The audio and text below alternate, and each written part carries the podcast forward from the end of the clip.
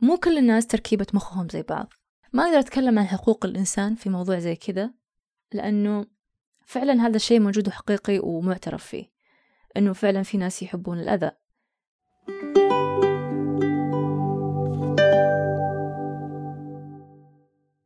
وأسعد الله أيامكم بكل خير أعزائي المستمعين. معكم غادة وهذا بودكاست كلام في الكلام. وش هو الحب؟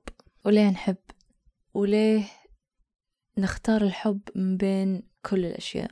وش تعريف الحب؟ تعريف الحب تعريف فضفاض. والحب يعتبر من أكثر المشاعر تعقيدا وصعوبة في الفهم.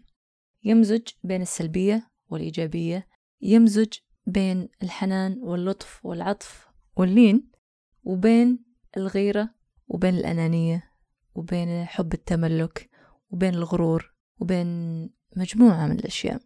آه، في الحب تلقى السعادة وتلقى الحزن وتلقى القهر وتلقى النشوة وتلقى مجموعة من المشاعر تعتبر معقدة أكثر من أنها أولية.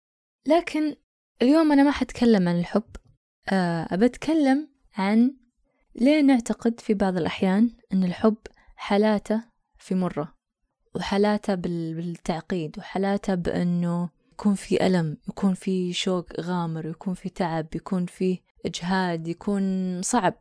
ولما يكون الحب سهل وبسيط وسلس يمثلنا علامات استفهام وممكن في بعض الأحيان يحس إنه أوه لا هذه هذا الحب أو هذه العلاقة مو بالضرورة هي علاقة صحيحة. وأكيد إنها فيها غلط. أو أكيد إنه إنه لا هذا مو الشخص الصحيح. فيبدأ الواحد ممكن يفتعل بعض المشاكل يفتعل بعض الدراما يفتعل بعض الأشياء اللي ممكن فعاليات اللي يلا خلينا نسوي فعاليات أنا طفشان أنا ملان. أحس إن علاقتنا غير متقدة زي ما يقولون ما فيها شعلة. خلنا نسوي مشكلة. هل هي العلاقة الصحيحة إنه يكون فيها مشاكل فيها شد وجذب وفيها صعوبة في الوصول أو فيها عدم ارتياح؟ هل العلاقة المريحة والسعيدة والسلسة هي علاقة مملة والناس تنفر منها. كثير تساءلت بخصوص هذا الموضوع لأني كثير شفت أنه الناس يحبون العلاقات الصعبة ويرفضون يتخلون عنها بسهولة. آه مع أنه آه في الآن صرنا نقول أوه في علاقة toxic في علاقة سامة بعدوا عن اللي ما يحبكم بعدوا عن اللي يأذيكم blah blah blah من هذا الحكي. إلى أنه اكتشفت اكتشاف أن البشر بشكل عام في عندهم mix غريب ما بين الألم وبين السعادة. طبعا تتفاوت نسبتها من شخص إلى شخص آخر. في ناس عندهم النسبة عالية في ناس عندهم نسبة متوسطة أو شبه منخفضة أو غير موجودة. زي مثلا لما شخص آه، فجأة يقرر أنه يلعب بقطار الموت أو أنه مثلا آه، يسوي تحدي ومغامرة مستحيلة ينط بالحبل أو أنه آه، يفحط مثلا. عارف أن هذا الموضوع خطر وعارف أنه في قلق.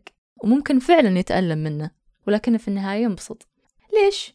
في تفسير علمي للموضوع.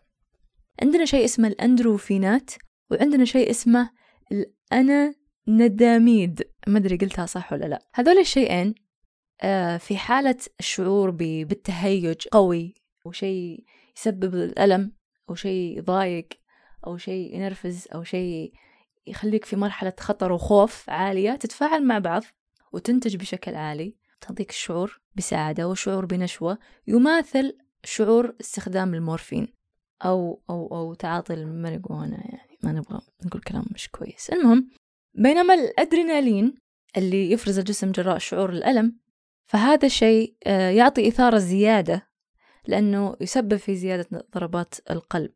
إلا أنه هذه الأشياء لما تتفاعل مع بعض ولما يصير في ضغط كبير وفي مجموعة من المشاعر قاعد تشتغل مع بعض في وقت واحد. يعني أنت تحب الشخص هذا بنفس الوقت أنت مضايق منه بنفس الوقت أنت قاعد تسوي مشكلة أو أو في حالة غيرة شديدة مثلا أو في حالة ضيقة شديدة بس في نفس الوقت عندك مشاعر حب تجاهها.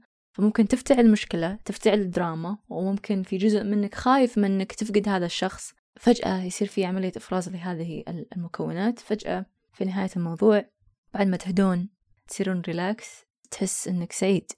وإنك تحبها أكثر. إذا تبغون تتأكدون اقروا عن الموضوع أكثر يمكن أنا ما عرفت أشرح بشكل كويس ولكن الموضوع معقد جدا غريب جدا صعب جدا. في شيء اسمه المازوخية الحميدة.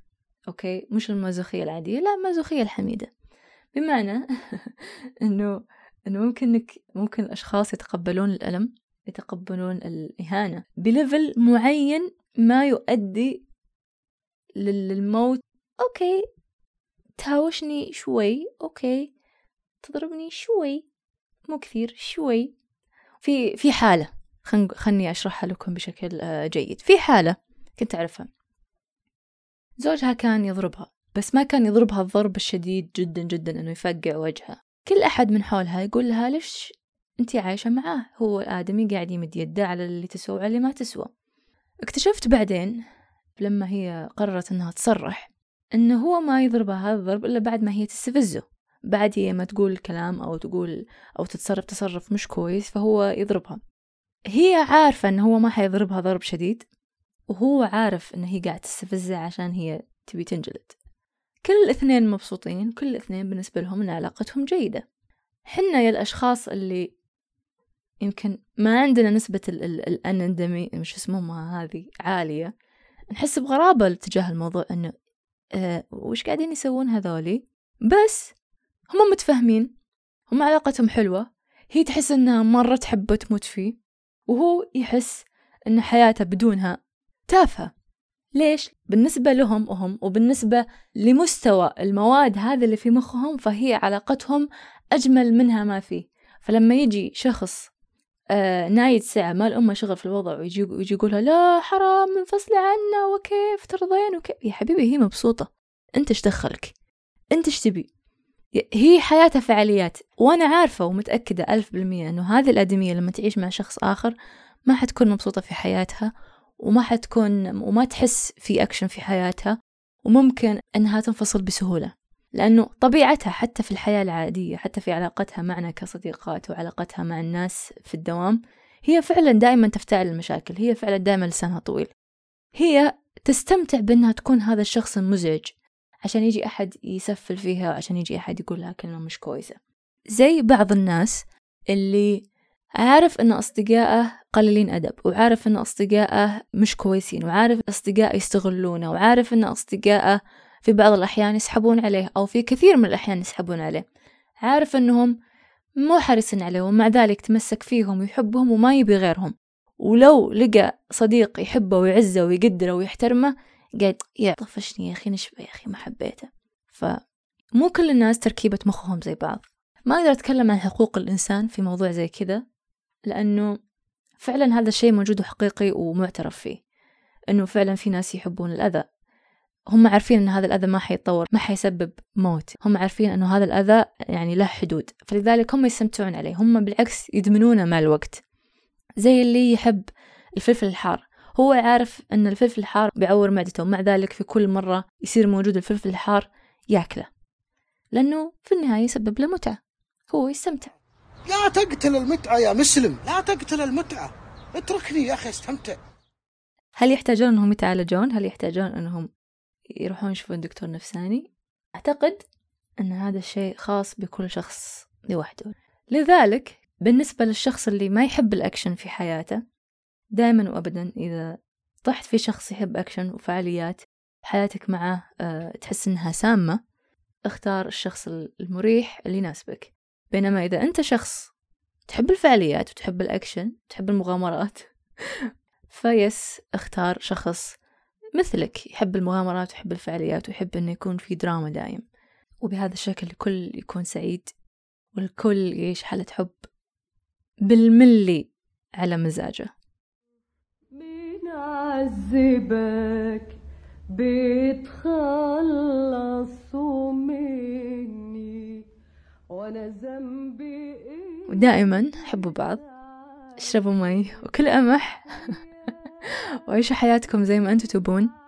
كل فترة زمنية حاولوا آه، تسوون آه، قياس لمدى الرضا عن حياتكم وعن علاقاتكم بحيث أنه ما يجي يوم من الأيام تنظر للوراء وتحس أن فاتك الفوت. وفمان الله. أنا اللي مهما